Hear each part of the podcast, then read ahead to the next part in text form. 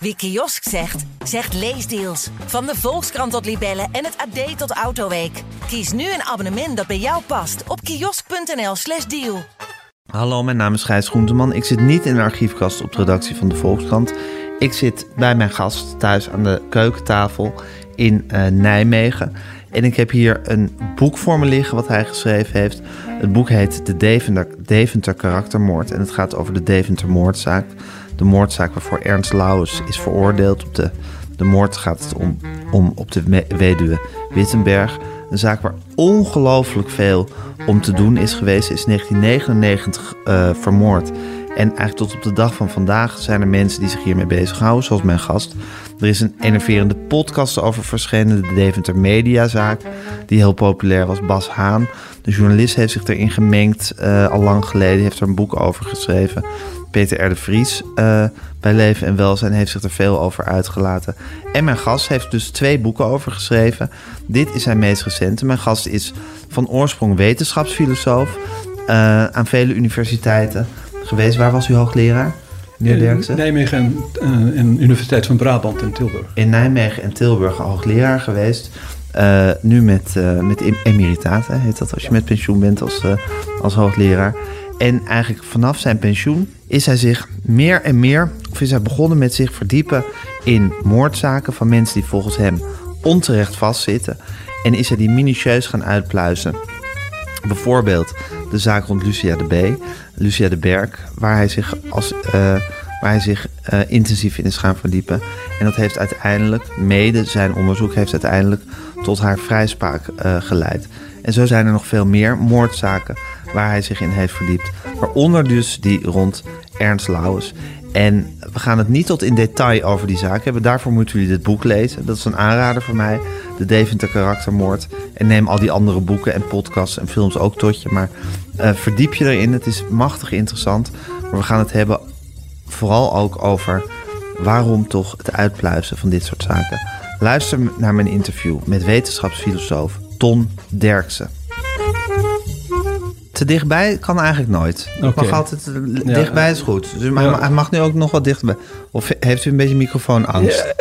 Ja, ja, ik weet het Het voelt, het voelt zoiets van hap, dat ik moet hap zeggen. Ja. ook een beetje intimiderend, hè, zo'n ding. Uh... De, ik, dat, dat is, weet het niet. Maar ik, jij, jij lijkt er verder af te zitten dan ik. Dus, uh... Nou, ja, dichtbij is altijd goed.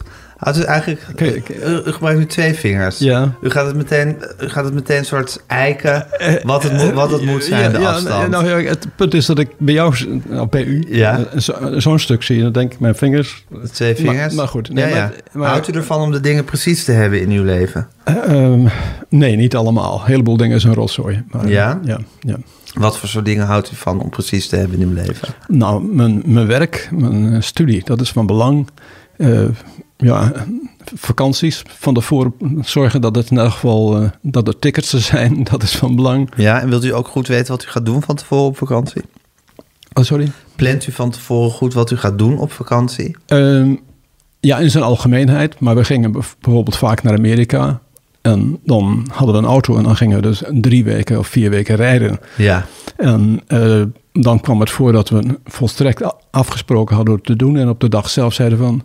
Nee, we doen het toch anders. Dus, ja, ja. dus uh, we maken plannen, maar die zijn heel flexibel. Dat en we dus... is u en uw vrouw? Ja, dat ja. hebben we een vrouw, ja. Ja, ja. En oké, okay, dus maar jullie maken wel die plannen? Ik maak, ja, voor, nou ja, als je naar Amerika gaat... Dan ja, je kan dan, ook gewoon in de blind gaan rijden. Uh, uh, nou, Amerika, als je dus een rondrijdt, dan moet je weten dat je op tijd weer terug bent. Dus Mhm. mm -hmm. dat soort dingen moet je wel van tevoren berekenen. Dus dat soort dingen hebben we wel bekeken. En ja, je, je wilt niet zomaar rondrijden en alle mooie dingen missen. Dus van tevoren bestudeer je wel wat. Ja, precies. En wij woonden daar een tijd in Amerika, dus Ja. dat gaf ook alle tijd. En van, die- van buren hoorde je waar je naartoe moest. Dus Ja. en, eh, het, was wel gepland in Ja. zijn algemeenheid. Maar En vindt u zichzelf een secuur levend iemand? secuur? Ja? Eh, mm, ik zou niet weten precies. Op, secuur op sommige punten, secuur op andere punten helemaal niet. Nee, dus eh, nee. Wat vindt u belangrijk in het leven? Ja, belangrijk. Ehm, in het leven, dat, dat vind ik een hele moeilijke vraag. Ehm, Dat zou ik niet weten.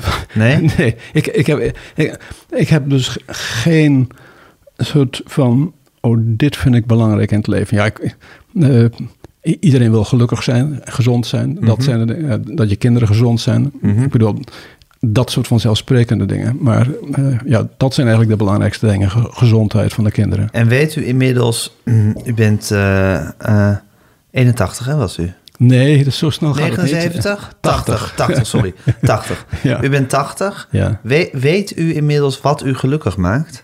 Ehm, ja, zeker. Wat mij heel erg gelukkig maakt is als ik 's ochtends achter mijn bureau mag zitten en eh, eh, ga, kan studeren. En dat frustreert dan eh, de helft van de tijd en de andere helft maakt het me heel gelukkig. Ja.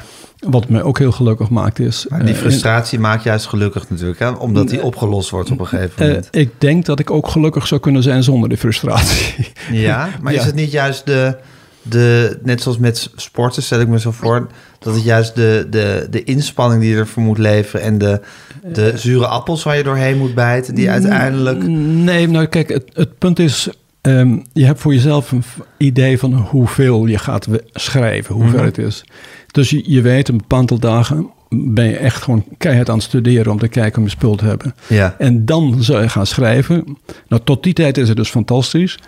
En dan op een of andere manier lukt het niet om de draad te vinden. Nou, dat zijn frustrerende dagen. Ja. En daarna lukt het wel, gelukkig wat meestal. En dan zijn weer de, happy days. Maar ja, die, maar die zijn die happy days niet veel happier omdat die frustrerende dagen eraan vooraf zijn gegaan? eh, Als er een eenschakeling van happy days was, dan voelde je dat niet zo, denk ik. Ik, ik, ik, heb, ik heb ook wel eens een keer geluk gehad dat ik door kon schrijven. Toen was ik ook heel gelukkig. Ja, Nee, nee, maar, niet, maar niet weken achter elkaar. Dat is dan twee of drie dagen dat het vanzelf gaat. Ehm, nou ja, ik, wat, wat ik in ieder geval merk is dat ik niet om, dat ik geen enkel probleem heb om de, niet die frustrerende dagen te hebben. En dat ik me daar zonder prima voel. Oké, ja. maar u, want de vraag was, wat maakt u gelukkig? Of Ja, dat als weten? één als u ding- s ochtends kunt Nee, gaan studeren al- aan uw bureau. Net, ik, ik wel even om te voorkomen dat het gedachte is dat alleen dit me gelukkig maakt. Ja. Dus gewoon eh, zinloos in de natuur eh, wandelen en, en fietsen, dat vind ik ook fantastisch. Dus, Ja. eh, ja. Ja, dus eh, juist jezelf heel nuttig of soort nuttig bezig zijn eh, aan het bureau. Ja, Eh, je, je, her- je hersens zo goed mogelijk gebruiken. Nee, dat klinkt ook zo alsof het een soort opdracht is. Het, het is gewoon heel prettig werk. Ja. Ik, ik vind dat dus gewoon heel, heel boeiend om te zien hoe uit het niets iets ontstaat. En eh, dat is, geeft een soort creatief gevoel. Dat je denkt van, oh, moet je kijken. Vanochtend stond er niks.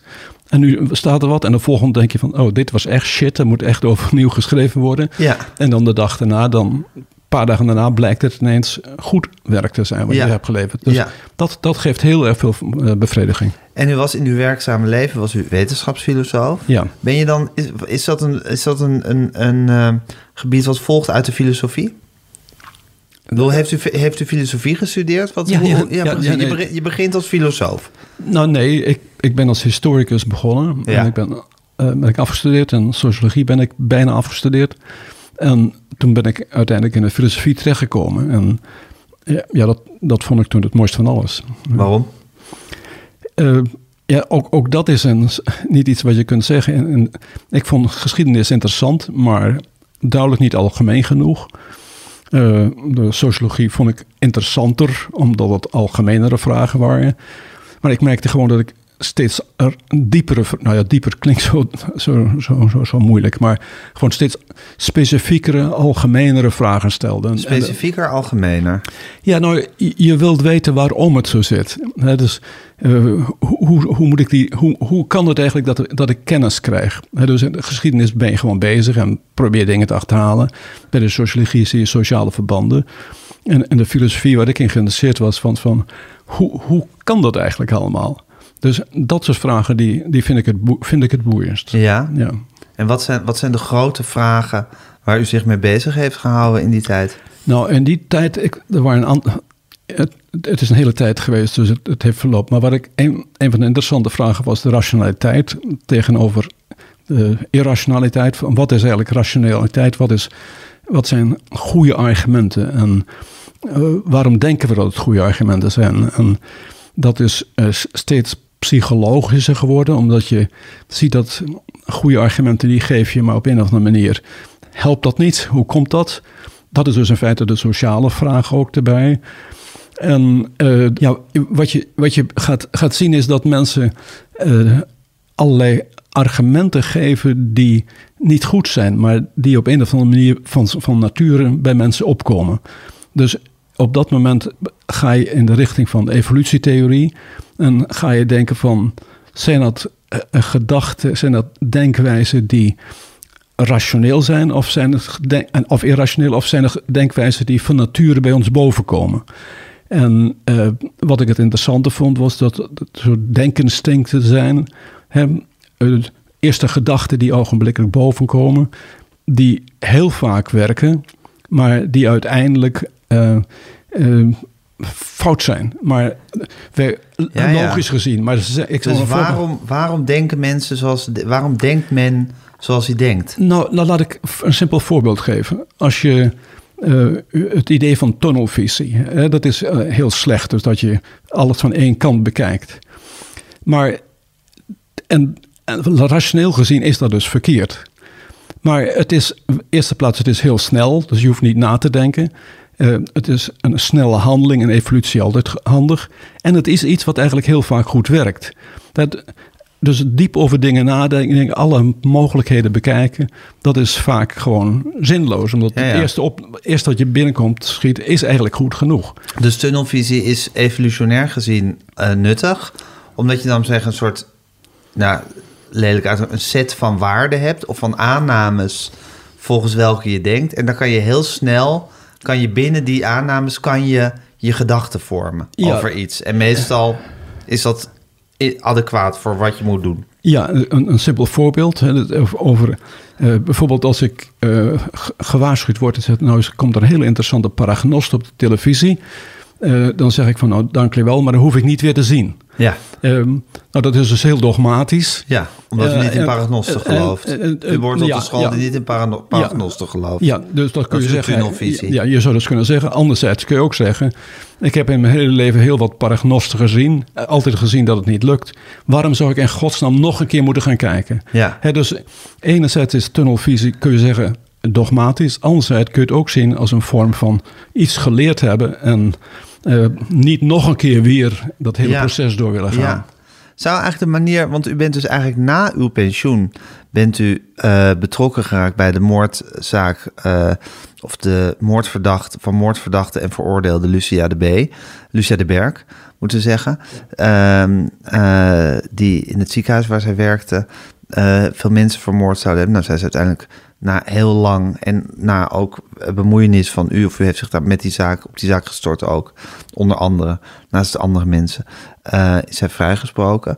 En sindsdien bent u zich meer en meer in moordzaken en justitiële dwalingen, volgens u, gaan, uh, gaan verdiepen.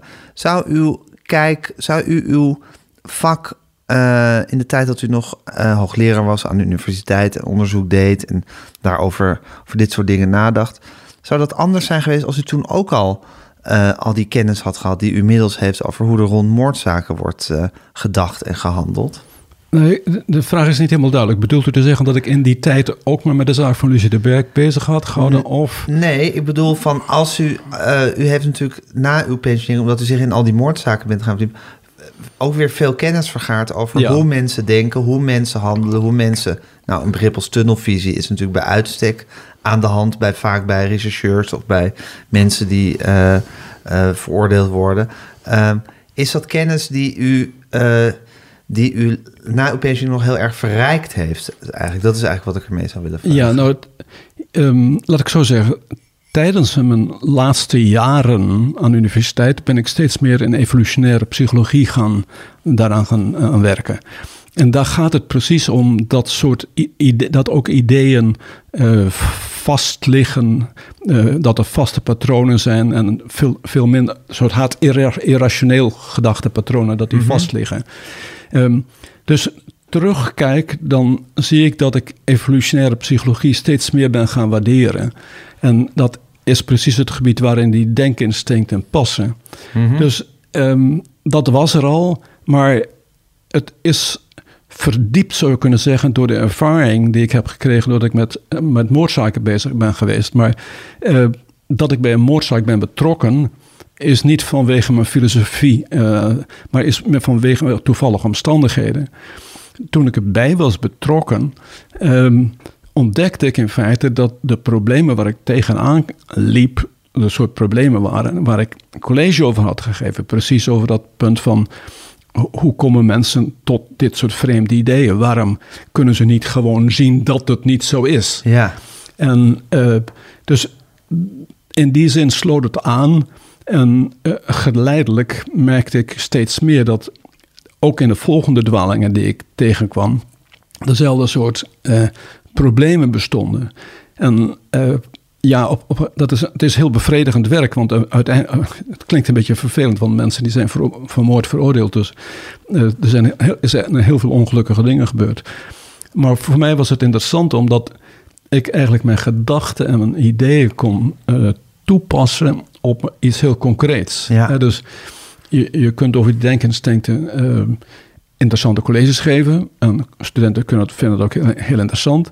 Maar het is natuurlijk heel anders dan wanneer je kijkt naar een rechtszaak en ziet dat mensen veroordeeld zijn omdat politie, officier van justitie, rechters vanwege die denkinstinct tot een verkeerde conclusie zijn gekomen. Dus de relevantie van wat je hebt, hebt gedaan de hele ja. tijd wordt aanzienlijk groter. Het is Ja. niet alleen maar het doorgeven van informatie, maar met geluk kun je mensen dan ook uit de gevangenis halen. Ja, dat is toch ook wel iets machtigs dan, hè, wat u overkomen is na uw pensioen. Ja. Dat, het, dat er, dat er, dat er zo'n urgente en concreet toepassing bleek te zijn van, Ja. uw, van de dingen waar u zoveel over na had gedacht. Ja, dat het, enerzijds is dat de eerste keer was het heel erg verblijdend ook, want dat was de zaak van Lucia Berg die goed afliep.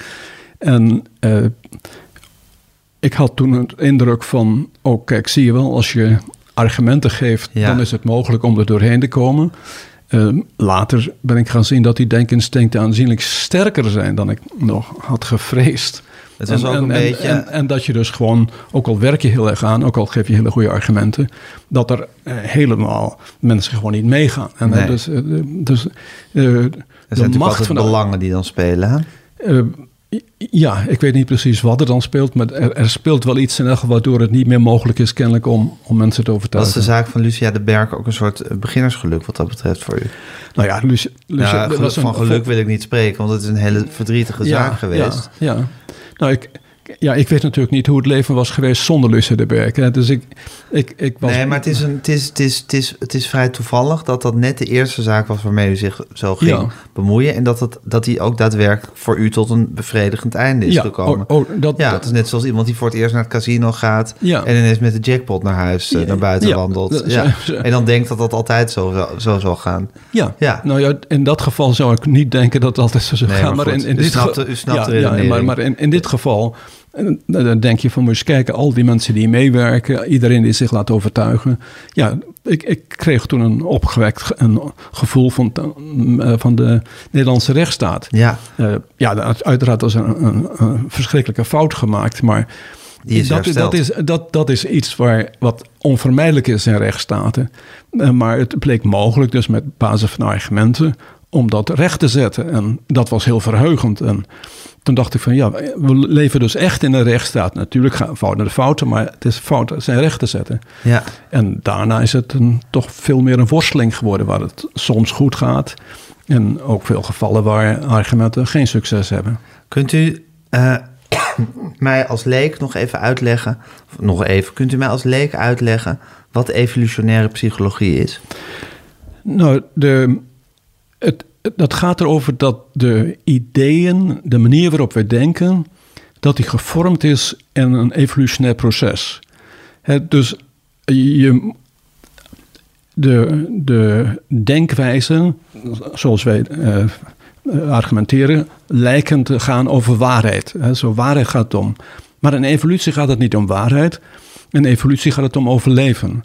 Dus die denkinstincten die op waarheid uitkomen, maar waarbij je al ehm, vermoord bent of opgegeten bent, eh, dat soort denkinstincten blijven niet over. Dus de denkinstincten die overblijven zijn eh, die ook, hebben ook natuurlijk met waarheid te maken, maar hebben ook met veiligheid te maken en met snelheid. Dus als ik heel goed stel voor dat ik ehm, perfect zou zien, maar dat dat een tijdje duurt.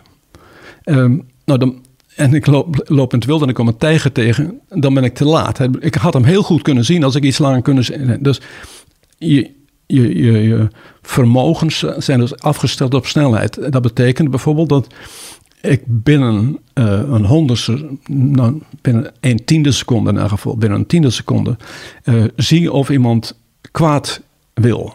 En dat is natuurlijk, dat gaat, zie ik natuurlijk wel eens fout, maar vaak zie ik het wel goed. Dat is goed, want ik hoef dus niet over na te denken. Het is de eerste reactie die ik heb van, oh, dat is gevaar. Ja. Nou, dat is een reactie die dus niet 100% zeker is, maar die aan de veilige kant is. Ik zie het te vaak. Het is beter om een paar keer te vaak te zien dan te weinig. Als je te weinig ziet, hè, dan ben je de klos. Dan ben je de klos. Ja. Dus dat zijn de soort denkinstincten die zich ontwikkelen. Ik zie ogenblik dat. Nou, er zijn ook andere dingen die misgaan. Bijvoorbeeld, je denkt dat je ook in een, of, of je denkt, maar ook in een tiende seconde vertrouw ik iemand. En dat is iets wat aanzienlijk minder te, goed werkt. Ja. dus het, het is nou ja, niet... Of iemand kwaad wil. Kijk, als iemand kwaad wil en dat heel erg toont... kan je dat inderdaad in een tiende seconde zien. Ja. Maar uh, mensen kunnen natuurlijk ook kwaad willen... en, en zich tonen als mensen die, die, die nergens op uit zijn. Ja, maar het, het gek genoeg is er dus ook een soort uh, reactie aan van, van leugens en niet-leugens... dat ik eigenlijk in ogenblikkelijk u gelooft, zal ik maar zeggen. Ja, ja. Of ogenblikken niet geloof. Ja. En dat is dan iets wat ik instinctief doe. Dat Ja. is niet iets eh, waar ik over na hoef te denken. En, Dat gebeurt de eh, hele ja, tijd. Dat gebeurt. En dat, waarom gaat dat goed? Omdat in het alledaagse leven de meeste mensen die je tegenkomt te vertrouwen zijn. Ja. Dus dat is een instinct dat goed werkt in het alledaagse leven, omdat er zoveel mensen zijn die te vertrouwen zijn. Maar als je dus tussen mensen zit die niet te vertrouwen zijn, gaat het dus helemaal mis. Dus eh, je, nou, dit zijn dus simpele voorbeelden waarin Ja. je ziet dat je reacties niet rationeel zijn, hè, in, niet op waarheid gericht, maar afhankelijk zijn van de situatie. Ja, op beoordeling en op hoe dat je eigen, eh, je eigen welzijn bepaalt Ja, eigenlijk. een, een heel simpel voorbeeld wat ik uit, uit dierenwild. Kleine gansjes. Ehm, al- als die uit het ei komen, moeten ze achter de moeder aan. Want Ja. de- eh, alleen redden ze het niet. Nou, hoe, hoe komt dat? Nou, ze weten, er staat geen bordje bij. Hier is mijn moeder. En ze kunnen ook niet lezen. Maar ze gaan achter het grootste object aan dat vlak bij hun staat. Ja. Nou, dat is een fantastisch systeem. Ja. Alleen in het geval van... heet die, nou, die, die man, die naam die schiet me niet te binnen op het ogenblik. Eh, dat is heel schandalig. En, en de, een, een bioloog uit de jaren eh, eh, 30, Ja. die ging dus zelf bij het nest staan. En hij zette de moeder weg. En het gevolg was dat de gansjes achter eh, deze bioloog aan liepen. Ja. In plaats van achter de moeder. Ja. Dus eh, je ziet het systeem werkt perfect in een ecologische situatie waar het past. Is het daarbuiten, dan gaat het mis. Nou, zo kun je dus ook kijken naar de denkinstincten. Die gaan dus heel goed in het alledaagse leven, waar we heel veel mensen kunnen vertrouwen. Ja, En eh, eh, als je ze daarentegen daarbuiten zet, net zoals de gans in een verkeerde situatie, bijvoorbeeld in de rechtszaal, Ja. waar wij geen ecologische situ- situatie hebben, dan werken die denkinstincten toch gewoon door. ja, Maar zijn dus dan ineens levensgevaarlijk, omdat ze tot conclusies leiden die in het alledaagse leven goed zijn, maar in de, gevaar, en- maar in, in de rechtszaal niet. want in het alledaagse leven... Nou, ik kan een voorbeeld geven. Ja. Ehm, en waar wij, als het bewijsmateriaal past, als wij dus pas- passend bewijsmateriaal vinden, dan in het alledaagse leven zeggen we dat is prima. Hè, dat klopt, dat klopt. En dat zeggen ook officieren van justities van eh, meneer de rechter, alles past. Maar dat het past is niet voldoende, want het zou ook heel goed kunnen passen bij een alternatief scenario, bij het onschuldscenario. Maar omdat je als als biologisch wezen automatisch in denkt, oh het past, dat, dus is het goed, gaat het dus mis. Ja, Nou, dat, dat betekent dus dat je eh, rechters en dat die op de hoogte moeten komen van dit soort denkinstincten die hun, eh, die hun automatisch overkomen. Ja. Het, het, is, het heeft dus niks te maken met intelligentie. Ehm, je hebt ook iets als confirmatievooroordeel, wat, dat je dus bij datgene wat je gelooft komt iemand aanzetten met iets wat past bij hetgene wat je gelooft, dan geloof je dat meteen. Is het, past het er niet bij, dan sta je er heel kritisch tegenover. Nou, dat is iets wat iedereen heeft. En naarmate je intelligenter bent, geef je betere argumenten waarom datgene wat niet bij je past, niet bij je past. Ja. Maar het is dus niet zo dat je denkt van, als je maar intelligent genoeg bent, dan zie je er doorheen. Nee, het is de eerste reactie. Ja. Nou, al dit soort dingen, die zijn dus ongelooflijk van belang om te beseffen binnen, de rechts, binnen een rechtszaal. Omdat Hey. dat niet de normale situatie is. En meneer Derksen, nu studeerde u eerst geschiedenis en daarna Ja. sociologie. Ja. Uiteindelijk bent u dus in de filosofie en met dit soort vraagstukken Ja. bezig gegaan. Dit is wat u boeide, wat u, waar u op aansloeg. Heeft u enig idee waarom dat zo? Waarom, waarom dit zo goed bij u paste? Nee. nee is, het, het- het- er is niet een soort vraag nog van waarom het bij me past. Ik constateer dat dit de soort dingen zijn die me, die Ja. me boeien. En eh, Maar heeft u het zich altijd afgevraagd waarom mensen denken wat ze denken, handelen Nou, ja. waarom ze handelen? nou ja, dat is... eh, dat, irrationeel kunnen zijn Ja, en ja. toch dat voor zichzelf weten te verantwoorden. Ja, nou ja, dat, dat, dit zijn dus typisch filosofische vragen die je nou stelt. En dat zijn de vragen die mij heel erg boeiden. Ehm, ik ben wel in mijn filosofisch leven van een sociaal bewogen filosofie naar de soort klinische Amerikaanse, Anglo-Saxische filosofie overgestapt, omdat ik die sociaal bewogen filosofie warrig vond. Dat, dat vond ik erger, dus zal maar zeggen, dan eh, het voordeel van dat het sociaal Ja. bewogen was. Maar ik, in, in de loop van de, eh, in de loop van mijn eh Anglo-Saxische filosofie ben ik dus steeds meer naar de wetenschap toe, toe gen- bewogen.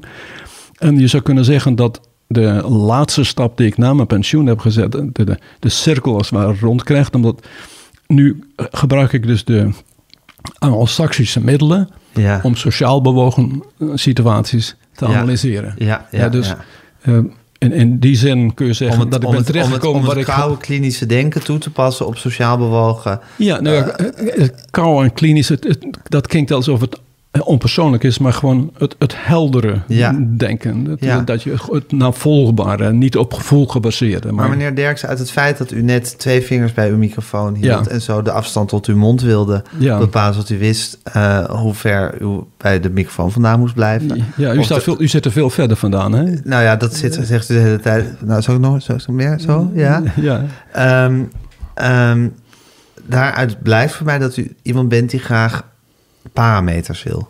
U wil graag gewoon, wil gewoon weten hoe het zit en precies weten hoe het zit. En dat is natuurlijk, dat heeft u gevoed met uw, eh, met uw studie en de dingen waarmee u zich bezig gehouden in uw, in uw leven. Maar dat is natuurlijk iets wat gewoon van nature in u zit. ja dat, Hoe uw, uw wezen is. Waarschijnlijk was u als 13-jarige was u ook al zo, gok ik. Ja, waarschijnlijk als zesjarige, ja. Hoe was u als zesjarige? Nou, net zo zal ik maar zeggen. Ja? Ja, ja nou nee.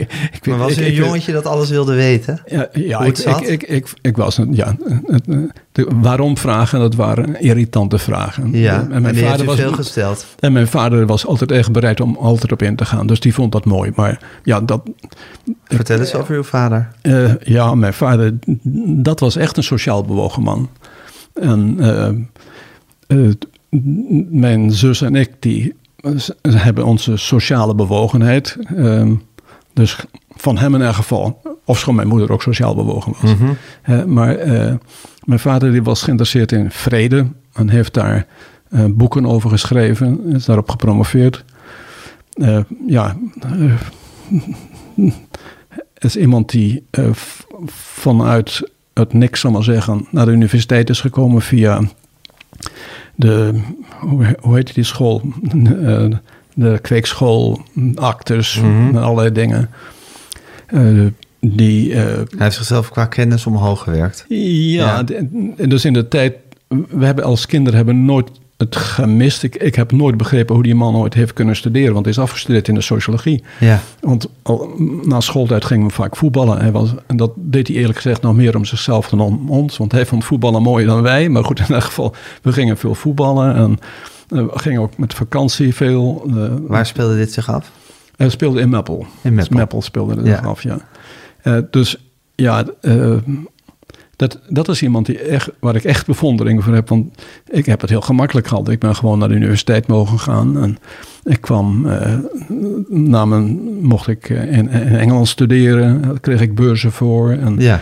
het was in de tijd dat er enorm veel behoefte bestond aan mensen aan de universiteit. Want er kwam de hele golf eh, mensen kwam eraan en ik was, liep vooraan eh, qua leeftijd. Dus eh, toen ik aankwam kon ik tussen... Ik kon drie banen kon ik kiezen. Ja. Eh, nou, dat, nou, het, dus, Het ongekend, een ongekende ja, luxe. Ja, dat is gewoon... en uw vader heeft, heeft, heeft het nog echt moeten bevechten, die positie. Ja, ja, goed. Ik bedoel- eh, En hoe hield hij zich bezig met vrede? Ehm, er was een, in die tijd ook een vredesinstituut ehm, eh, in Groningen.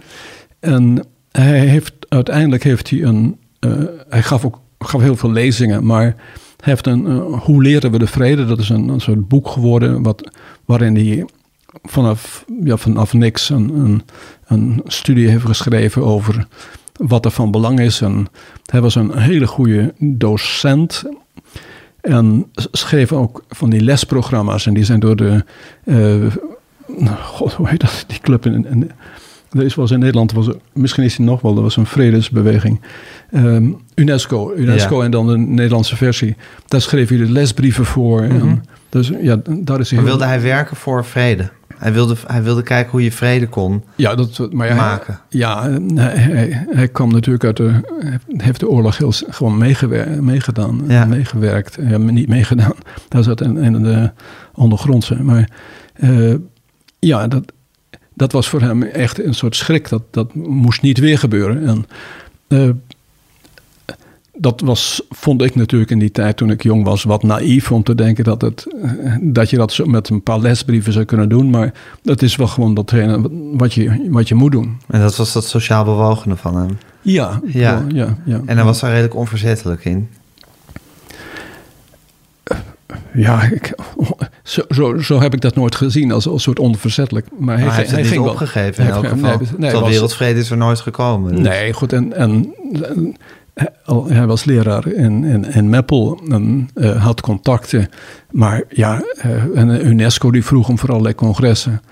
Maar de- daar, hij begreep zelf ook wel dat hij niet de wereld, wereldvrede zelf kon bewerkstelligen. Maar Hij bleef het proberen. hij bleef het proberen, ja. Ja, op zijn eigen manier. ja, ja, ja, ja. En u, keek, u, bewondert hem daarom.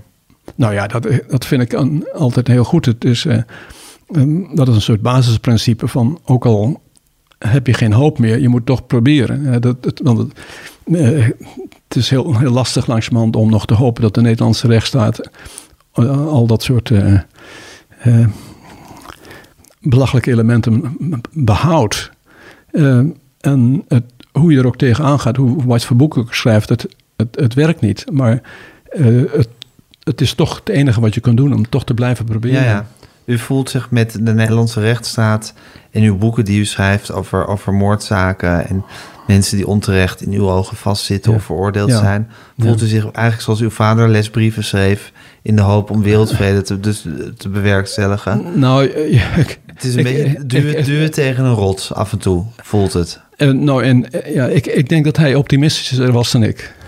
Ja, ja. Ja, dus eh, dat, dat waardeer ik ook wel in mensen, dat ze gewoon... Ja, maar het gekke is natuurlijk dat uw doel bijna dichterbij lijkt. Ja, is- dus dat is ook zo. misschien Is- daarom nog pessimistischer maakt dat het toch helemaal niet lukt. eh, Ja. dat, dat, zo, dat is een, een verklaring die best heel goed mogelijk is, ja. Ja. ja, ja, ja. En kunt u vertellen hoe, hoe u precies, hoe het ging toen u betrokken raakte bij de zaak rond Lucia de Berg?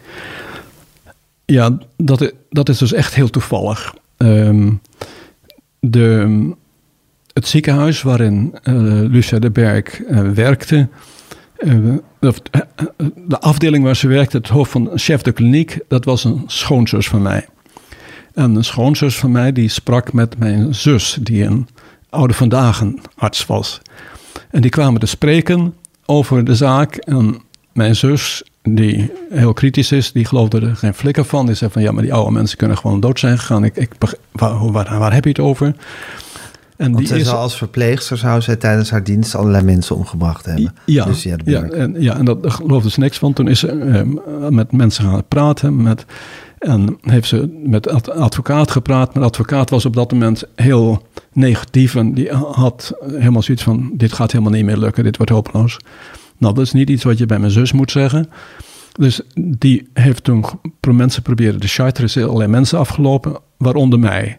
Want ze, want ze had mij nodig voor waarschijnlijkheid. En ik ben op waarschijnlijkheidstheorie gepromoveerd. En een van de problemen in de zaak van Lucie de Berg was dat ze. De kans dat ze het niet had gedaan was 1 op de 342 miljoen. En nou, als je dat hoort, dan weet je dat is absoluut zeker dat ze het gedaan moet hebben, want die kans is zo klein. En ze kwam bij mij en zei van, kun je er wat aan doen? En uh, nou, dat toonde meteen aan dat ik niet zo'n heel goed karakter heb. Dan zei ik van, ja, dat kan ik wel, maar ik moet eerst niet... Ik heb in mijn laatste jaar universiteit, moet ik afmaken en daarna doe ik wat. Nou ja, in de familie, bij ons is het beloofd beloofd. Dus na een jaar stond ze, toen ik net dacht dat ik lekker aan het werk kon gaan met het dossier voor de deur. En uh, ja, toen zei ik eerst van, las ik het eerst het arrest en ik zei van ja, je ziet gewoon, ze heeft het gedaan. En daarna las ik het eh, pleidooi van de advocaat en dacht ik, ja, advocaten die vinden altijd wel iets waarom het niet zo is. Maar goed, zij is blijven doorzanen en zei, ja, maar heb je daarna gekeken? Kijk dat eens. En toen ik daar een, een, maand mee bezig was, dus al veel langer dan ik dacht, toen dacht ik van, verdomd, het kon best zwaar zijn dat ze onschuldig is. Nou ja, en uh, dan vind je andere dingen. Je, je raakt in discussie met je zus erover. Uh, de advocaat komt erbij. Het, het, het, wordt een heel spannend onderzoek. En uh, ja, je ziet dan iemand in een, van levenslang in de gevangenis zitten. En uh, ja, je, op een gegeven moment denk je, maar, hoe, hoe kan dit? Dit, dit? dit, klopt helemaal niet. Want nou, ja, raakte allengs meer overtuigd van haar onschuld. Ja, dus, ja. Na, dus na een, een, maand begon ik te denken van... nou, dit, dit komt toch wel eens niet. Want je, wat je vindt is dat er zijn dus allerlei fouten. Maar een van de grote problemen bij, bij dit soort moordzaken is dat er zeven mensen, kinderen vermoord en, en, en nog drie uh, ook oudere mensen. En dan denk je van, nou ja, ik heb nu gevonden dat die twee niet vermoord zijn. Maar ja, er zijn, er zijn acht anderen. Daar ben ik er godsnaam mee bezig. Maar... Uh, en u zegt, ik was er al een maand mee bezig, bijvoorbeeld. Ja. Wat, wat deed u dan in die maand? Nou, ik, ik, ik, het, wat ik mee bezig was op dat moment was gewoon een antwoord geven op mijn zus. dus uh, eerst. Dus je zus had vragen nou ja, mijn, die aan mijn, uw specialisme raakten, of nou, uw specialiteit? Ja, ja mijn, mijn, zus zei van, wat vind je daarvan? Hoe, hoe, hoe klopt dat met die waarschijnlijkheid? Mm -hmm. En uh, dan kun je na een maand zeggen, ja, nee, kijk, die waarschijnlijkheid, daar klopt niks van, van het verhaal. Maar, maar dat moet je een maand lang moet je het dan uitpluizen of zo. Ja, Alle dan, verhalen ja, en berekeningen. Dan, dan, dan, dan, moet je gaan kijken hoe komen ze er in godsnaam bij. En uh, je bent natuurlijk eerst geneigd om te zeggen van zeker toen in die tijd. Uh, toen ik volstrekt vast vertrouwen had in de rechtsstaat. Ja, met, met, met tienen van dit soort moorden. Of, dat zijn gewoon zijn dan zeven moorden en drie pogingen tot moord ja, waar praten we in godsnaam over? Maar goed, mijn zus is aanhoudend en ik had het beloofd, dus ik ben er gaan kijken. En dan is het wel interessant om te zien, dus daar komt weer mijn wetenschappelijk interesse aan het bod. Het was interessant van, hoe komt het dat mensen die fout maken? En dat mhm. is dus een, een prosecutors fallacy, wat ze heten, waarbij je de waarschijnlijkheid van de verkeerde kant bekijkt. Nou, dat is complex en veel te, willen we ongetwijfeld niet horen. Maar in elk geval, het is een soort fout die we allemaal in het alledaagse leven heel meteen maken, maar snel maken. En het is heel moeilijk om dat te zien waarom het fout is.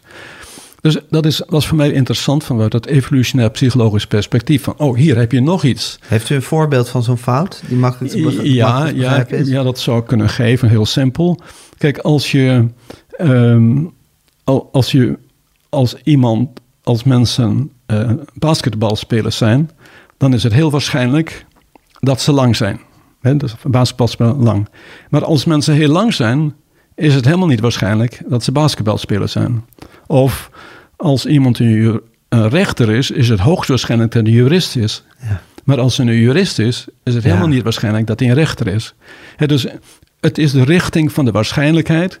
En in het geval van Lucie de Berg is die waarschijnlijkheid verkeerd. Dat wil zeggen, maar je, je zegt van als ze nou het niet had gedaan, wat is de, als het, uh, ons, wat is de, als, als het niet als ze onschuldig is, wat is de kans dat het dat gebeurd zou zijn? Dat is, je kijkt dus uit van haar ons- onschuld of schuld en kijkt naar het bewijsmateriaal. Ja. Maar wat je moet doen is van, gegeven wat aan bewijsmateriaal ligt, is het waarschijnlijk dat ze ehm, een moord heeft gepleegd. En dan moet je naar al het bewijsmateriaal kijken.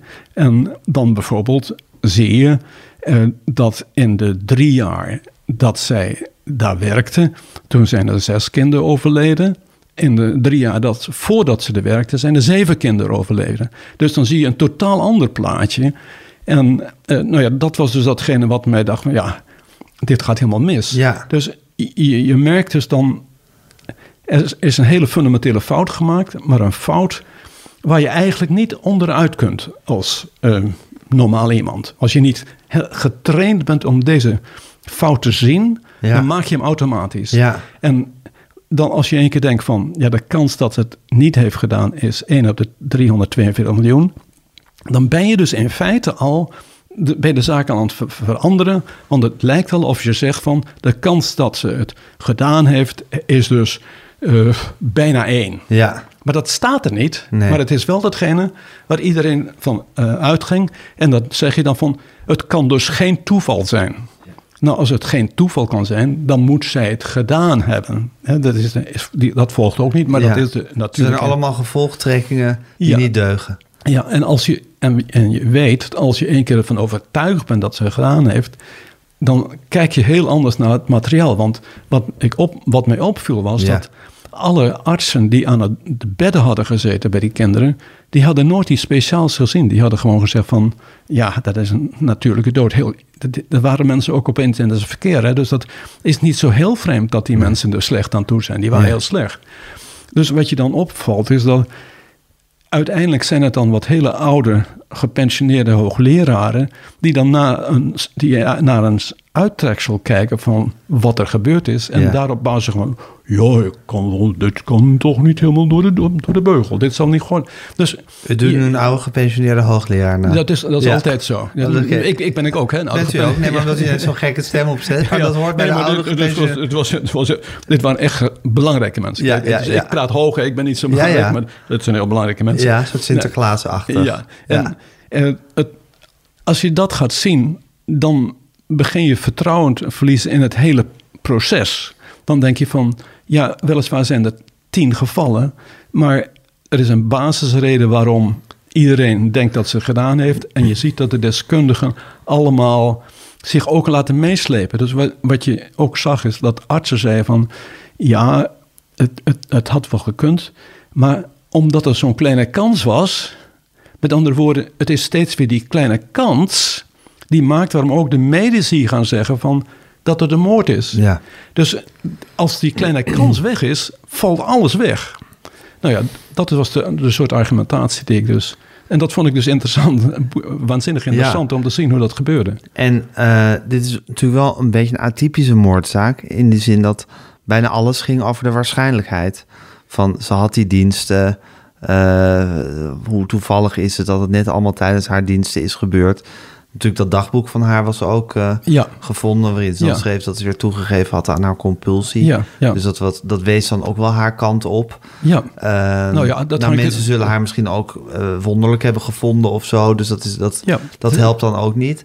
Maar uiteindelijk de hele bewijsvoering was niet... er waren vingerafdrukken of er is, er is iets... eh, geen smoking gun, om het maar zo te zeggen. Nou ja, dat, dat, daar hebben ze dus wel naar gezocht. Ja. En daar is dus, kun je zeggen, na een jaar is die digoxine die in een lapje is gevonden, dat uit een lijk is gehaald. En waarvan men zei van, ja, dat is te veel digoxine. Dus er is een digoxinemoord geweest. Ja, En de enige die die digoxine kan hebben ingespoten is Lucia. En daar heb je dus de smoking gun. ja. Maar... Ja, maar, nou, eerste plaats. eh, het, het, het, het was volstrekt onduidelijk waar het doekje vandaan kwam. Hè? Dus dat eh, in de tweede plaats, het, de hoeveelheid digoxine die erin zat, die was helemaal niet veel. Dat wil zeggen, eh, men had iets over het hoofd gezien. Men had over het hoofd gezien dat er na je dood veel digoxine vrijkomt en dat dat in die lapje zat.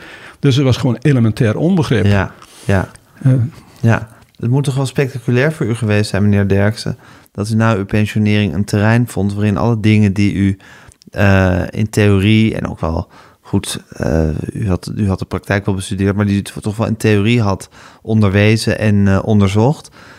Dat wat u ineens zo kon gaan toepassen. Ja, In, in, in, in zo'n soort, steeds zo'n soort geconcentreerd verhaal als een moordzaak. Ja, ja dat, dat, dat, is ook, eh, dat is ook opwindend. Ja. Absoluut. Ja, En, en dat is de reden waarom ik het ben blijven doen natuurlijk. Want eh wetenschapsfilosofie zelf is ook heel spannend. Maar ja, dit is net een tikkie spannender. Omdat Ja. je, eh, Had u daarvoor al wel een beetje interesse in moordzaken of in nee, ik, ik, ik ben... misdaad? Nee. Nee? Nee, ik, Dat ik, boeide u ik, nou ik, echt ik, helemaal niet? ik kan eerste plaats... In, zo, zo gauw ik kijk naar moordfilms kijk en er gaat bloed, dan moet ik thee zetten. Dan moet ik, dan oh ja, daar dat- wordt een beetje onpasselijk van. De- dus ik, ik kan helemaal niet tegen moorden. En moordzaken. eh, dus ik, ik ben totaal. Ik lees ook nooit thrillers. Of het is allemaal meer veel te spannend. Ja, ja. ja, ja. Het gaat echt over de, de fundamentele vragen. Waarom denken mensen zo? Waarom zijn die gedachten die kant op gegaan? En wat u eigenlijk net zei, als je alles, oh, sorry, als je alles op een rijtje legt Ja. met alle argumenten, waarom zie je het niet? Hè, Ja. dat riep u, dat Ja, zei u net. Ja, ja. Het is eigenlijk dat hele proces waarom u, het zo, waarom, waarom u er zo door gegrepen bent geraakt. Niet om bebloede blouses of messteken of weet ik veel nee, wat. nee het, het, het, het klinkt altijd heel on- onaangenaam. Want je zegt van. Het gaat toch ook om degene die het onrecht vastzit. En dat vind ik ook belangrijk. Zeker. Maar ik heb wel eens. Waarom ik ben door. Kijk, in de zaak van Lucie Berg ben ik ingerold. Heeft Ja. mijn zus me ingezogen. Ja. Maar waarom ik verder ben gegaan is, is omdat er voortdurend nieuwe zaken kwamen waar onrecht is, maar ook waar precies al dit soort problemen weer terugkomen en op een andere, elke keer een klein beetje anders. Ja, ja. Dus het, Want u het ziet, een is soort herha- u ziet een patroon. ja, heel duidelijk. Eh, Wat is het patroon? ja, kijk, het, het, eh, ik ben nu weer een boek over, over het patronen schrijven. Dus Ja. ik, ik, zit er schrijf dus- middenin. ja, nou ja, ik, het punt is, wat ik, wat, wat ik zie is gewoon, is, ik schrijf dus over zaken. En dan één keer in de zoveel tijd heb ik de behoefte om gewoon samen te vatten. Wat, wat zie ik? Dus Mhm. ik, ik heb heel vroeger al over de ware toedracht geschreven. Dat gaat dus over van wat soort, zijn, wat soort instincten spelen er mee. Dat soort verhalen waar ik het over had.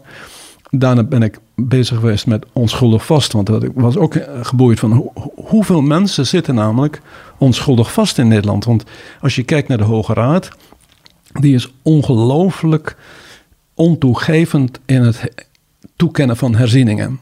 Als je dat vergelijkt met andere landen, dan is er, zijn er heel veel meer. Ja. Dus dan kun je zeggen En van... herziening is als een rechtszaak eigenlijk helemaal afgesloten is, maar er wordt een nieuw feit gevonden of een nieuw, nieuw, Ja, eh, nieuw iemand- licht op de zaak. Ja, wanneer men- mensen het ontdekken op een andere manier dat de persoon onschuldig is. Dus Ja. dat het, de zaak heropend moet Ja. worden om dat te bewijzen. Ja, Nou, dat is in Engel, Engeland en in andere landen eh schering en inslag. Maar in, in Nederland zijn er zeven of acht zaken geweest sinds 1980. Dat is echt dus waanzinnig weinig. Dus eens in een paar jaar is het maar dat er een één keer, in, zaak één, keer in, één keer in de vijf jaar maximaal. En bijvoorbeeld in België?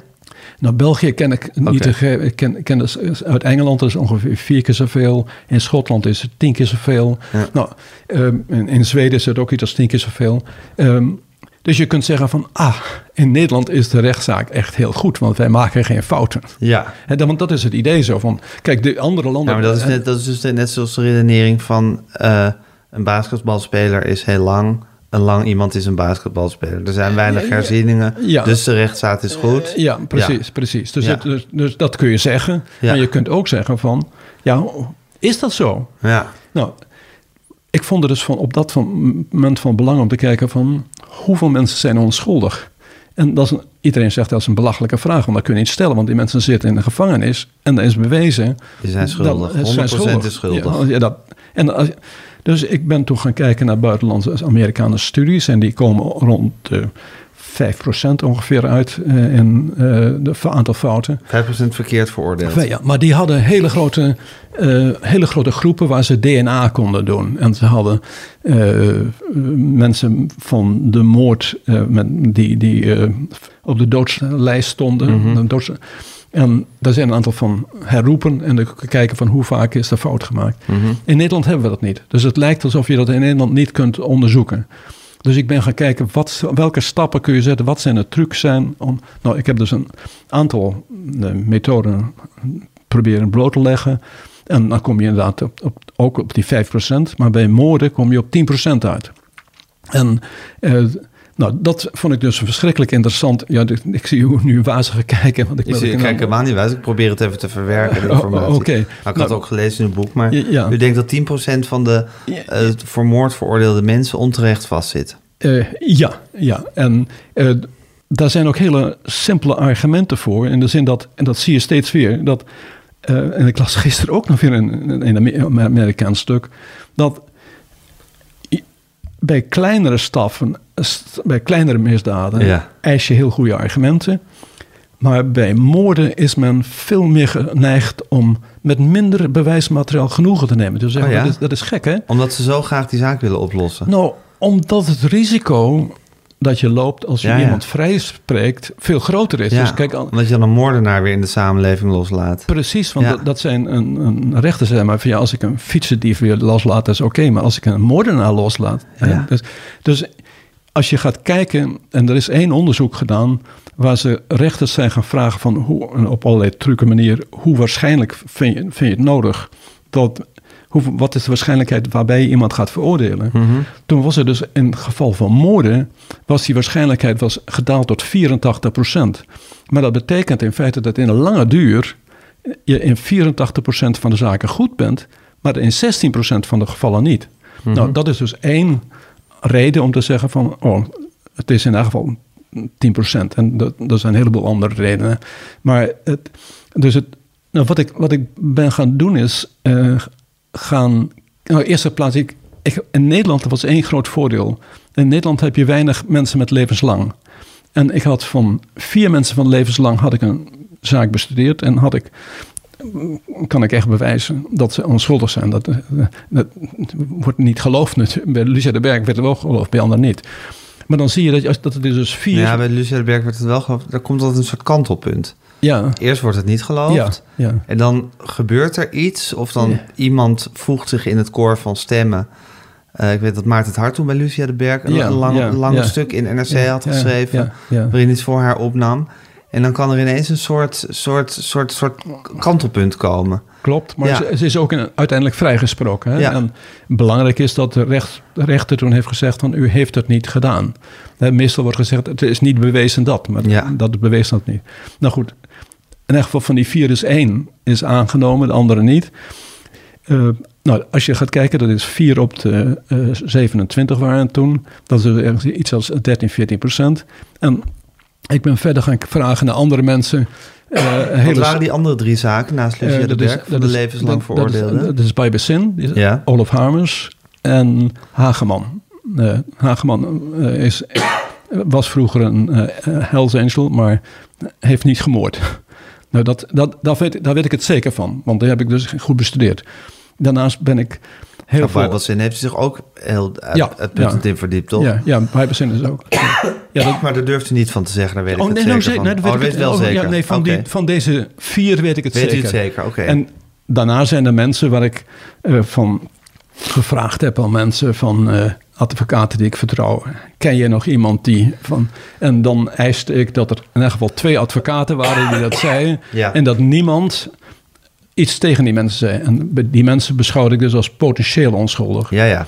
Nou, dan komen nog drie of ongeveer Zo bij. ging u de zaken wegen waar u nu zich in wilde gaan verdiepen. Nee, die, de zaken waar ik me wil verdiepen gaan heel, dat is, is, is toeval vaak. Eh, eh, eh, in, in de zaak van Lucie de Berg, daar ben ik gewoon ingerold. Ja. In de zaak van Lauwers, daar kon ik materiaal voor krijgen. Daar had ik een, voor een, had ik een lezing voor nodig. Eh, nou, eh, na de lezing zijn er mensen die komen praten. Eh, daarna schrijf je een stukje. En plotseling ben je, ontdek je van verdraaid. Ik ben eigenlijk de hele zaak aan het bestuderen. Ja. Dus, dus zo Ja, ja, u laat het proces zich natuurlijk voltrekken eigenlijk. Terwijl je Nou. zeggen, u kunt ook zeggen van dit is nu mijn... ehm, eh, hier heb ik nu hele speciale aandacht voor. En ik ben geëquipeerd om dit soort zaken goed. Het is nu mijn taak om de meest eh schrijnende gevallen... de meest schrijnende gevallen te gaan helpen. Ja, eh, zo zie ik dat niet. Dat is praktisch onmogelijk. U ziet het ook niet als een taak. Als een plicht. Nee, nee, niet als een plicht. Nee? Nee, ik, nee het is, ja, ik, ik, ik heb al heel veel gedaan aan het werk. Dus het is ook zoiets van... Ja, ja. eh, maar, Maar u maar- ziet het maar- misschien meer zoals ik- vader voor de wereldvrede volgt. Ja, Vindt, bent u wel, vindt u het wel misschien een plicht om de Nederlandse rechtsstaat verder te helpen? nou, maar ik- niet per se om individuele gevallen. Nou, nou, ik ben dus eh, meer geïnteresseerd in individuele gevallen dan mijn vader. Mijn vader was inderdaad de, heel algemeen. Ik, ik, ik ben meer geïnteresseerd in, in individuele gevallen. Ehm, ja, het, het, het, kijk, het is, is, is heel praktisch. Sinds ik met Zaken Lucia bezig ben, Lucia, Lucia de W bezig ben geweest en onschuldig vast ben, geschreven, dat was, was een, jaar of acht of zoiets ertussen. En in die, of in die tijd zijn er zeker 60 mensen geweest die met dossiers bij mij zijn geweest en gezegd van ik zit voor zo lang vast en ik ben helemaal onschuldig.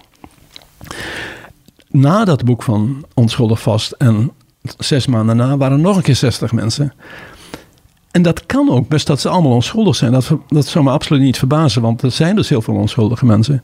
Maar ik moet daar steeds bij zeggen van, ja, sorry mensen, ik ben nu bezig met een aantal mensen die levenslang zijn. En ik heb dus geen tijd. Dus in die zin voel ik geen plicht om dat te gaan doen, want het is gewoon fysiek onmogelijk. Dus, maar ik vind het wel moeilijk dat als ik op, op de schaarse momenten dat ik klaar ben met iets, maar zeggen. En er komt iemand en die zegt van ja, mijn broer zit nou vast en het levenslang. Om dan te zeggen, maar, joh, schiet maar op, ik doe er niks meer aan. Dus ik merk wel, ik ben pas geleden ben ik nog weer naar een gevangenis toe geweest. Dus ik, ik voel het niet als mijn plicht, maar ik doe het wel. Ja. Voelt het ook als een last op uw schouders? Nee, het is, het is. Nee, want omdat het niet, ik niet voel als een plicht, voel ik me niet schuldig, denk ik, als ik het niet doe. Maar ik, ik merk wel dat ik het, dat ik het doe. En eh, mijn vrouw zegt ook van, ga nou maar. Dus eh, eh, eh, dat, dat is... Doe het maar. Ja, nou ja, maar kijk, voor haar is het ook niet leuk, want dan weet ik weer, als het gaat gebeuren, dan zit ik dus weer nog meer langer op de studeerkamer vast en dus dan ben ik minder ja, ze is toch al niet anders gewend. Hoe lang zijn jullie getrouwd? Ja, oh, in, in die zin. Ja, hoe lang was het? 55 jaar of zoiets? Ja. Ik denk dat ze Dat- dat die ze nog wel- 55 jaar toch wel weet dat u gewoon op uw studeerkamer zit te ploeteren op, op teksten. Ja, nou ja, goed. Ja. U, u, kent dat beter dan ik, ja. Kunt u vertellen, meneer Derksen, die zaak Lauwers, de Deventer moordzaak. U heeft dus nu een boek uitgebracht, de Deventer karaktermoord. Waarin u eigenlijk alle argumenten die u heeft voor Lauwers, voor zijn onschuld, eh, nog een keer heel inzichtelijk en helder heeft opgeschreven. Kunt u mij iets vertellen over de dynamiek rond die zaak? Ehm, ja, ehm, ja ik, ik denk dus inderdaad dat Lauwers onschuldig is. Ehm, en het interessant... En dat het iemand is die... Is eigenlijk de woordkeuze hierin belangrijk? Want u kunt zeggen, ik denk dat Lauwers onschuldig is. Ik ben ervan overtuigd dat Lauwers van onschuldig is. Nou, ik nou, weet kijk- zeker dat Lauwers onschuldig is. Nou, dat zijn ja. allemaal dingen die je kan zeggen, hè? Ja, dat weet ik. En, en, en in een openbaar iets... Zoals dit z- interview. Dit interview begin ik niet met te zeggen van... Ik weet goddomme hartstikke zeker dat Lauwers onschuldig onschuldig is. Dat, dat heeft, werkt niet, want dat betekent gewoon dat ik ben diegene die aan Lauwers kant staat... en met verblinding gewoon Ja. zijn zaak verdedigt. Dus en dat ik- is belangrijk, hè, in deze zaak. dat is heel belangrijk. Hoe je, hoe, je, hoe je gepositioneerd bent, eigenlijk. Ja, dus, Ja. Ik, dus ik, ik, ik geloof helemaal in zijn zaak. Als je mij vraagt, weet je het zeker? Dan zou ik zeggen ja, want ik heb zo waanzinnig goede argumenten. Het zou, weet niet hoe het anders. Maar het is dus niet een soort passie waardoor ik denk dat hij het gedaan heeft. Nee. Maar het uitgebreid, saai, gedetailleerd onderzoek ontdekken dat alle argumenten tegen hem niet kloppen. En daarnaast een hele serie argumenten zijn die voor hem spreken. ke- keihard bewijst dat Ja. hij het niet gedaan kan hebben. Maar als u zich in het openbaar erover uit moet spreken... zeker als u begint te praten erover... dan zegt u, dan kiest u woorden... ik denk dat Lauwers onschuldig is. Ja, want dat, dat is ook zo. ik, Ja. Dat denk ik ook. Ja, er is geen woord aan. En, en, en, en u, u, u, vraagt mij wat ik ervan denk, dus dan zeg ik, ik denk dat hij onschuldig Ja. is. En, maar ik hoop dan altijd dat ik iets langer mag duidelijk maken Precies. waarom ik dat denk. ja, ja. maar mijn vraag was... kunt u iets vertellen over de dynamiek rond deze zaak? Ja, de, precies, dynamiek. Dus Lauwers is interessant. eh, even terug, om, omdat hij dus van zichzelf niet kon bedenken dat hij eh, schuldig was. Dus eh, dan denk je als onschuldige, denk je inderdaad altijd van, ja, dat komt altijd goed. Hè, de waarheid komt boven. Nou, dit is een typisch voorbeeld waar je kan zien dat Ja. hoe overtuigd je ook bent van je eigen onschuld en hoe on- eh, dat werkt gewoon dus niet. Hij was een, een accountant of belastingdeskundige Ja. uit Lelystad... die eh, op een gegeven moment verdacht werd van de moord op een rijke Ja, weduwe ja, ja. in eh, Deventer. Nou, het, hij, is, hij is vermoord tot zijn, eh, hij is, sorry, hij Veroordeeld. is veroordeeld tot zijn eigen verbazing. En eh, die zaak is toen plotseling gaan spelen. Er zijn altijd een aantal mensen geweest die in zijn onschuld zijn blijven geloven. En die eindeloos onderzoekingen hebben gedaan en dat hielp allemaal niks. En op een gegeven ogenblik heeft Maurice de Hond zich hoorde daarvan.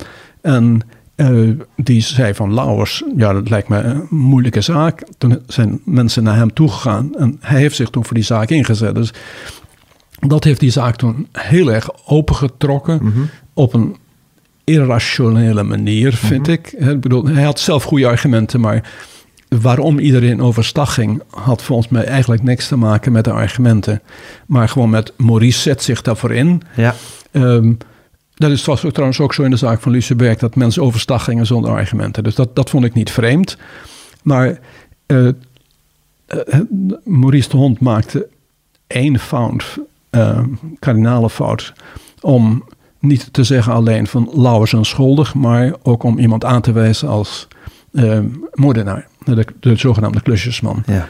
Ehm, daar was eigenlijk heel weinig argumenten voor. Dat, ik begrijp ook niet waarom je dat zei. Maar het is, moreel is het natuurlijk niet terecht. Ik bedoel, dat kun je niet als burger... Je kunt geen andere man, burger als moordenaar aanwijzen. Dus dat is denk ik een moreel probleem. Moreel niet terecht vind ik ook weer een voorzichtige woordkeuze. Nou, dus nou, nou, moreel onjuist. On, niet terecht is, is datzelfde. Vind ik iets anders dan onjuist. Nou, mm, In, ver- in ik wil het wel- moreel niet terecht vind ik minder veroordeling zitten dan in moreel onjuist. moreel verkeerd. Ja, Ja, is dat ja, gewoon echt het sterkste wat je kunt stellen. Ja. Dat is, het is gewoon juist fout. Ja. Hè, Dat, dat is fout om dat te doen. Maar eh, ik, ik begrijp het wel, want het is de verleiding die bij iedereen bestaat. Als je iemand probeert te, vrij te spreken of vrij te krijgen, dan moet je de echte moordenaar aanwijzen. Hm. Dat lijkt op het eerste gezicht een juiste strategie, maar dat gaat zich altijd tegen Het is zijn onervarenheid geweest in dit soort zaken. Ja, nou, het, is, het gaat altijd verkeerd.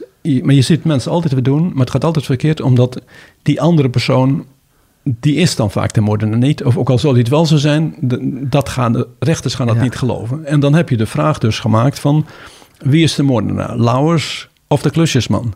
Nou, de klusjesman is het niet, dus het is Lauwers. Dus wat je van plan was om aan te tonen dat Lauwers onschuldig was, dat verpest je door je, strategie. Nou, dat is dus precies ook wat er gebeurd is. Eh, langzamerhand steeds meer mensen gaan denken van... ja, die klusjesman is toch eigenlijk helemaal niet zo'n gekke kerel. Dus Lauwers is het. En eh, Bas Haan heeft zich toen daarvoor is dat voor ingezet. En nu is de slinger dus totaal omgeslagen. Dus in plaats van dat eh Lauwers misschien onschuldig was... eh, hè, dat eh, zou kunnen na afloop van een proces... naar de positie van Maurice de Hond. Nee, Lauwers is het zeker niet. Het is de klusjesman. Kregen we nu dus. Nee, het is de klusjesman niet. Lauwers is het zeker. En daarmee lijkt dan ook het debat afgesloten. En, eh, Hij is ook een veroordeelde moordenaar. hij, hij is, een, hij is Hij veroordeeld. is veroordeeld Hij voor is- moord. Juist, Ja. precies. Dat is de juiste, Ja, dat is de juiste formulering. juiste formulering. Mhm. En ehm, wat ik heb gedaan in het boek is om te zeggen van oké, laten we nu eens kijken bij al deze opwinding, wat zijn eigenlijk de argumenten? En je moet inderdaad ehm, zonder meer onder ogen zien dat Lauwers waanzinnig naïef was om te denken dat het goed zou gaan. Want hij had waanzinnige pech. Ik bedoel, echt alles wat mis kon gaan Ja. en voor een onschuldig ging bij hem mis. Alleen, en dat betekent dus dat je al die zaken waar het zich tegen hem keert, moet laten zien dat het niet klopt. En dat Ja. is wat ik in, in dit, in dit En dat is eigenlijk ook steeds weer die waarschijnlijkheidskwestie. kwestie. Kleine kans dat, kleine maar- kans dat. Ja, precies. Ja. precies. Ja. En, en dat, dat was echt bij de, bij de politie. Die zei van, ja, maar eens kijken.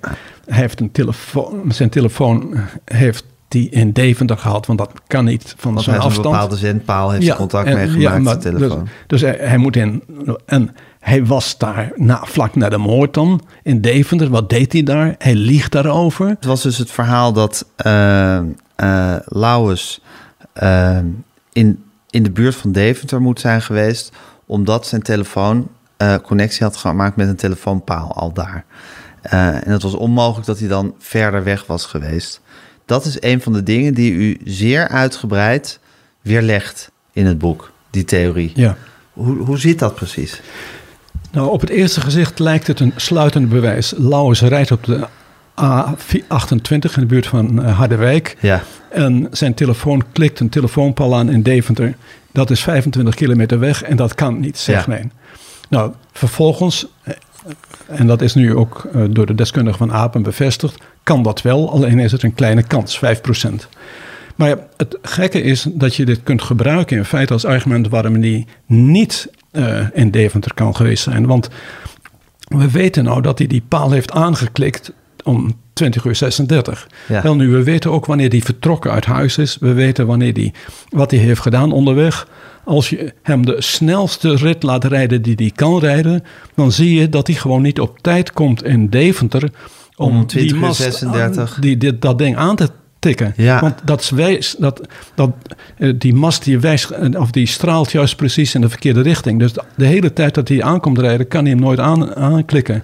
En het grappige is dus, of het gekke is, dus datgene wat lijkt alsof definitief te bewijzen dat hij het gedaan moet hebben, in feite definitief bewijst dat hij het niet gedaan Ja, kan hebben. want hij heeft die paal aangeklikt. Heeft die paal- die paal staat in de buurt van Deventer, Deventer. Maar hij kan op dat tijdstip dat hij aanklikte...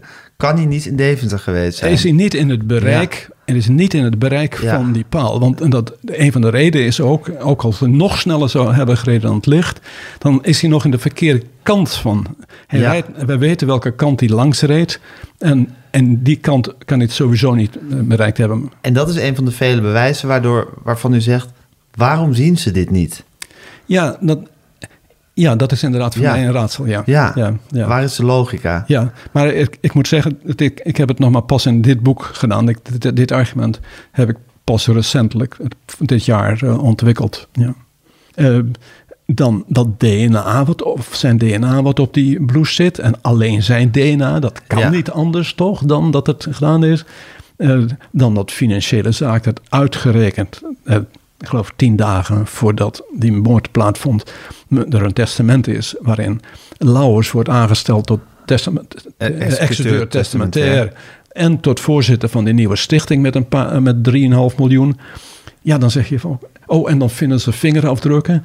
En die vingerafdrukken zijn van Lauwers. Ja. Maar bovendien blijken die vingerafdrukken ook al opgeslagen te zijn in Havank, het politie- politiearchief.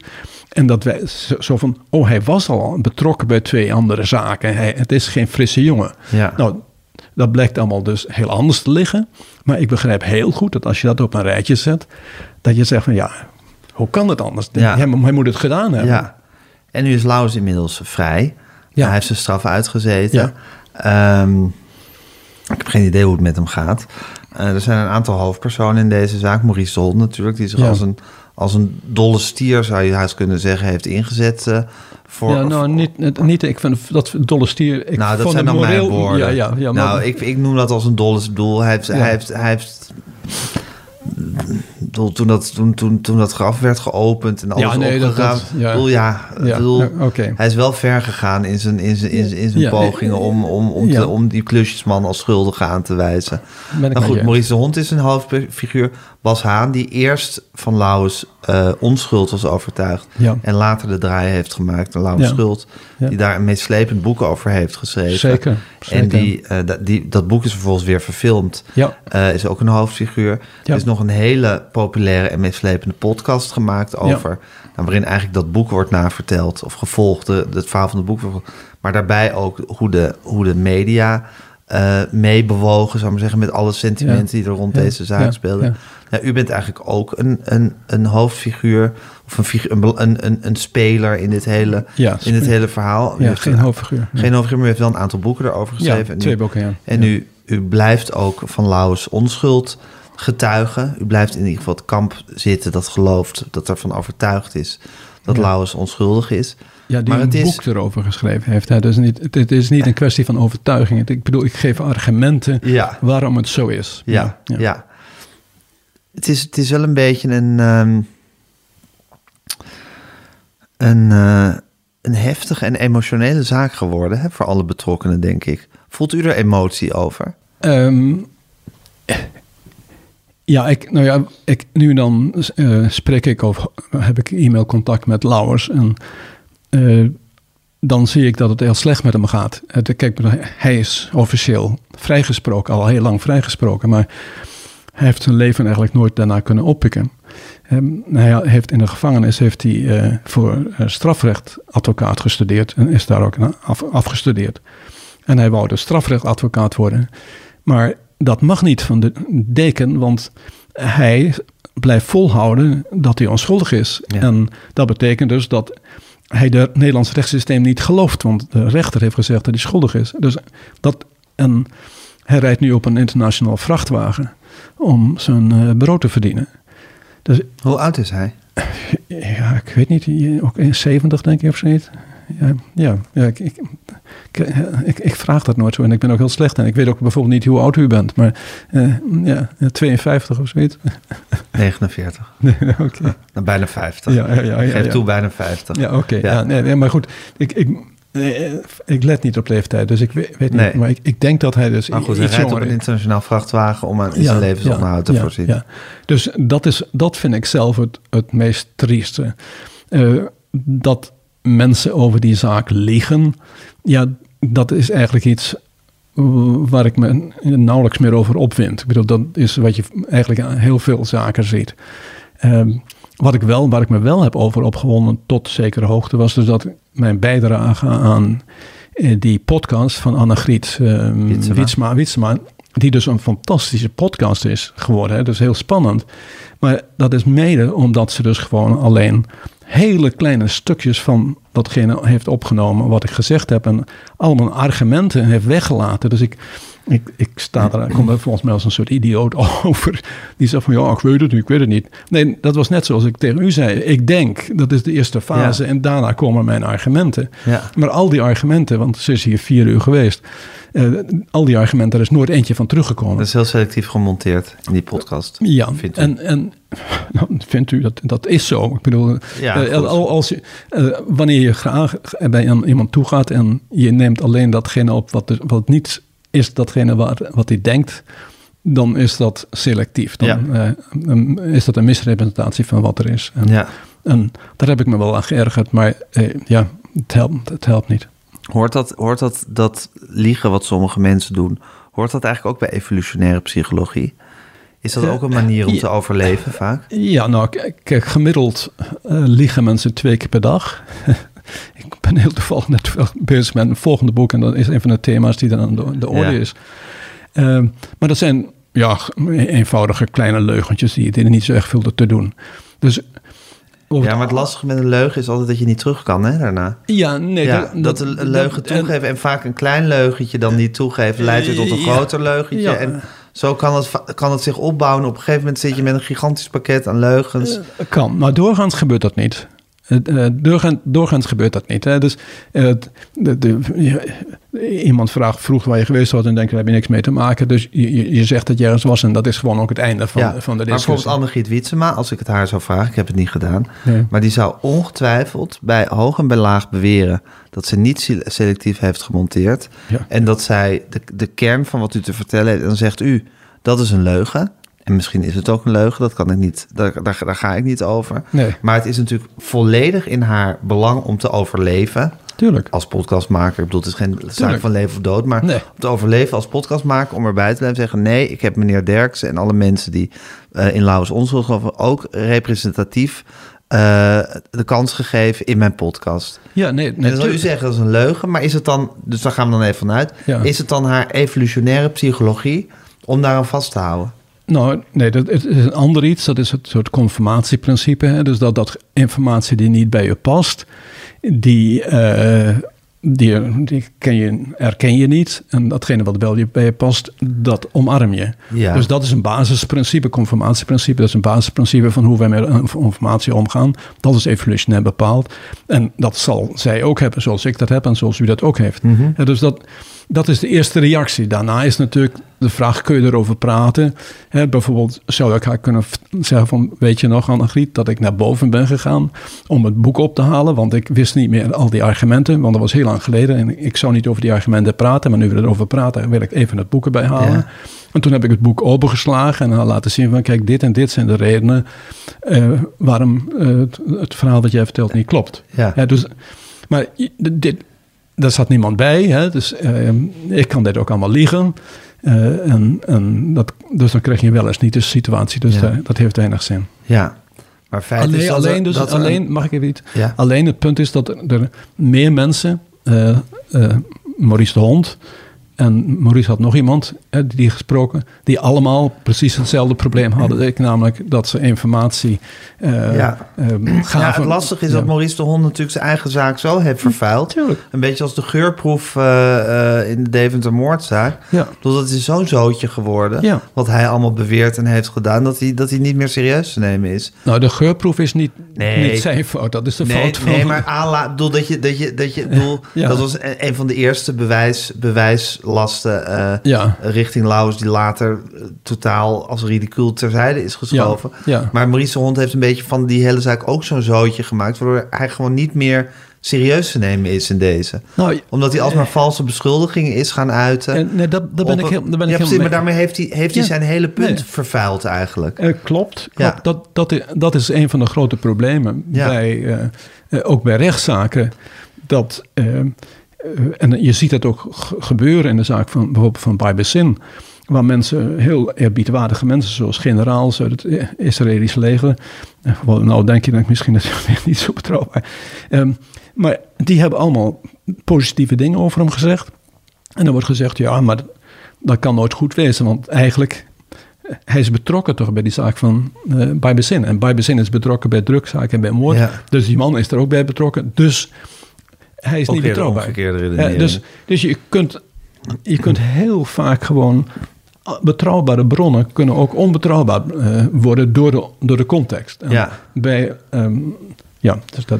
Hey, en tot slot, meneer Derksen, voelt u nou... U heeft nu dit boek weer uitgebracht. Ja. Nogmaals, een heel leesbaar en kernachtig betoog... over de argumenten die voor Laurens spreken, Laurens spreken... of een weerlegging van de argumenten die tegen hem spreken. Goed, het laatste deel is ook heel belangrijk. Ja. Ehm, eh, heeft u nou een soort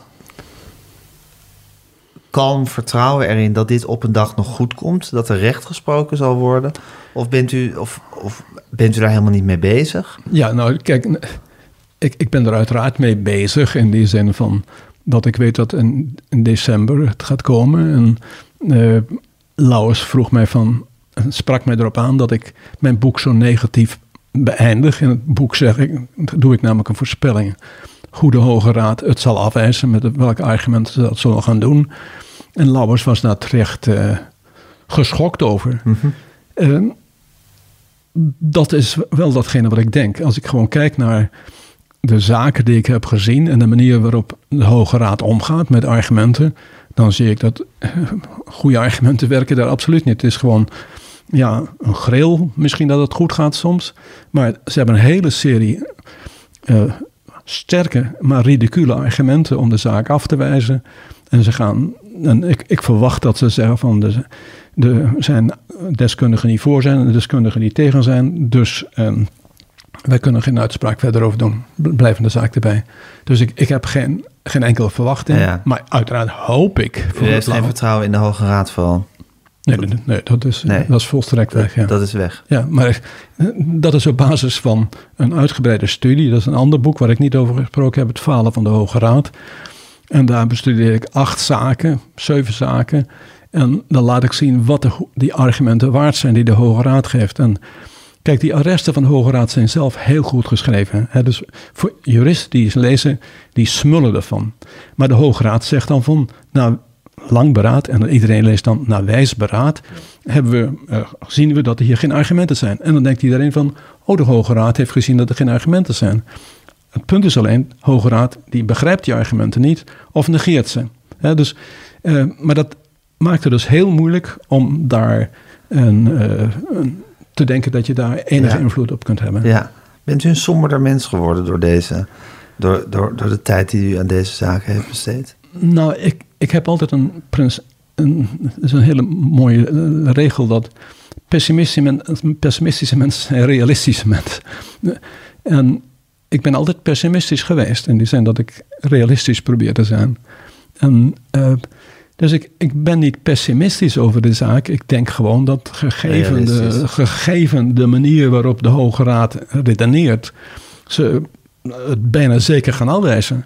Dus ik, ik vind het een afschuwelijk iets.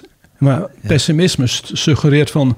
ja, ik zie het nooit zitten en het gaat helemaal slecht. Nee, het, ik heb redenen om te denken waarom de Hoge Raad zo Ja, ja. gaat doen. En dat vind ik heel triest. U bent eigenlijk ook optimistisch, want als u dus zich in zo'n zaak gaat verdiepen, als er dus zo'n zaak op uw pad komt waar u dan die bij u aanhaakt en waar u zich in gaat verdiepen, dan heeft u in ieder geval de hoop en het optimisme dat u gaat uitzoeken hoe het daadwerkelijk zit. Nou, Dat nee, u de argumenten gaat vinden om, te, om werkelijk te kunnen bepalen of iemand schuldig of onschuldig is. En dat is in zekere zin heel optimistisch natuurlijk, nee, qua eh, waarheidsvinding. Nee, optimisme suggereert dat mijn werk succes zal hebben. Dat ja, is maar in ieder geval hoop, hoopvol maar- voor de intrinsieke daad. Dus niet voor wat er vervolgens mee gebeurt. Nee, maar dan, dat laat me duidelijk maken. Er is, eh, is, is een gezegd in het Frans wat ik niet... wat, wat onze Willem van Oranje eh, heeft eh, ooit gezegd. Zo van, ook al is er geen hoop meer, ik heb het al eerder genoemd, ook al is er geen hoop meer. Er is geen reden om het niet te proberen. Ja.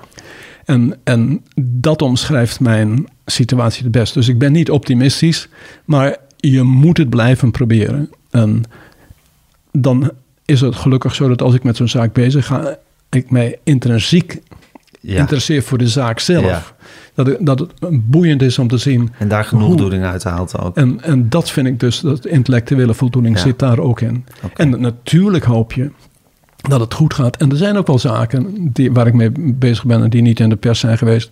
Waar mensen met tien jaar, tien jaar uit de gevangenis zijn. Of geen tien jaar hebben gehad en snel naar de gevangenis zijn geweest. En dus had ik helemaal nooit met zulke zaken gehad, dan was, ja, dan, dan was ik onder de, Ja. de mat gekropen. maar, Meneer Derks, het is fascinerend. Ik heb uw boek met heel veel eh, nieuwsgierigheid en interesse gelezen. Zoals ik het boek van Bas aan, aan trouwens ook met veel, veel interesse heb gelezen. En de podcast ook met veel interesse heb geluisterd. En ik zou jullie heel graag met elkaar allemaal een keer in discussie willen zien. Ja. Tot in, je zou die zaken eigenlijk... Er was ooit toen ik, toen ik, toen, toen ik jong was, stond VPRO zo'n eh, programma uit... waarin een Amerikaanse eh, soort documentaire was... waarin ze de hele moord op JFK, op, op, Kennedy... eh die rechtszaak hebben Ja. overgedaan, zou ik Ja. maar zeggen. ja, Eh, ja. Die behoefte krijg ik hier ook weer bij. Om jullie allemaal al die argumenten met elkaar te zien uitwisselen... en te weerleggen, dan wel met elkaar te laten botsen. Ja. Te zien waar jullie dan uitkomen. ja. Dat zou voor mijn eigen nieuwsgierigheidsbevrediging... zou dat heel, heel eh, prettig zijn. Ja. Maar goed, ik weet Ja. niet of jullie allemaal nog elkaar in één ruimte verdragen. Nou, ik- ik, heb geen probleem daarmee. Ehm, ik heb wel eens discussies gehad met eh anti-Lauwers gelovigen. Ja, En het valt me op hoe moeilijk het is om daar een discussie mee te hebben. Ehm, en dat is eigenlijk heel vaak zo natuurlijk. Dat, eh, kijk maar naar televisie op het ogenblik als mensen het niet met elkaar en eens misschien zijn. als het geleid wordt door een beminnelijke onbenul, onbenul zoals ik... dat het nog wel dat het ergens toe leidt. Nou ja, ik- vind het prima. Dat als u dat eh, voor elkaar kunt krijgen. wat de toekomst ja, brengt. Ja, Ik dank u in ieder geval nu heel hartelijk, meneer ja, Derksen. prima. Fijn, hartelijk dank. Dit was met Groenteman in de kast met Ton Derksen. Eh, mijn naam is Gijs Groenteman. Redactie Tamar Bot en Fanny van der Rijt. Ehm, alles netjes in uw oortjes bezorgd door Julia van Alem. Eindredactie Corine van Duin. Kunt zich eh, eh, abonneren op deze podcast via alle mogelijke kanalen. U kunt ons een mailtje sturen, podcasts.volkskrant.nl. En volg ons op Instagram, met Groenteman.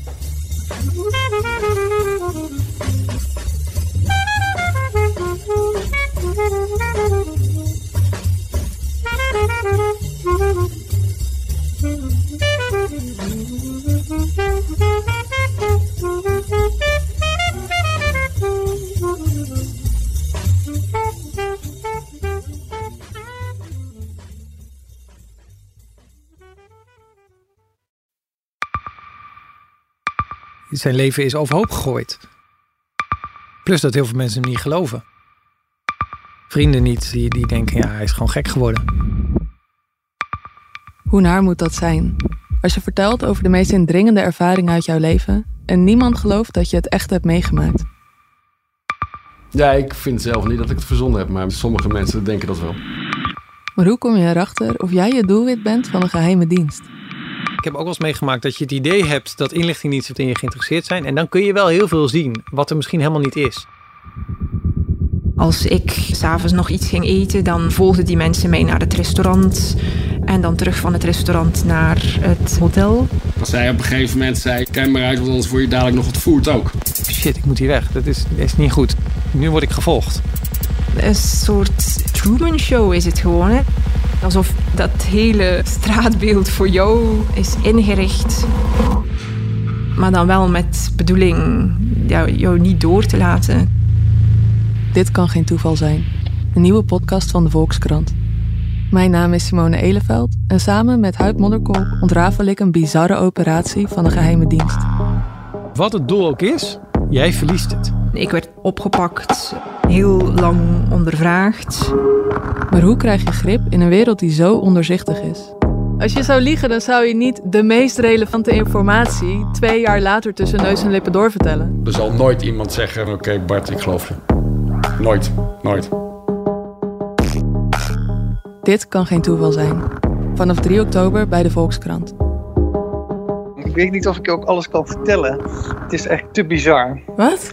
Ehm, ja. Wie kiosk zegt, zegt leesdeals. Van de Volkskrant tot Libellen en het AD tot Autoweek. Kies nu een abonnement dat bij jou past op kiosk.nl/slash deal.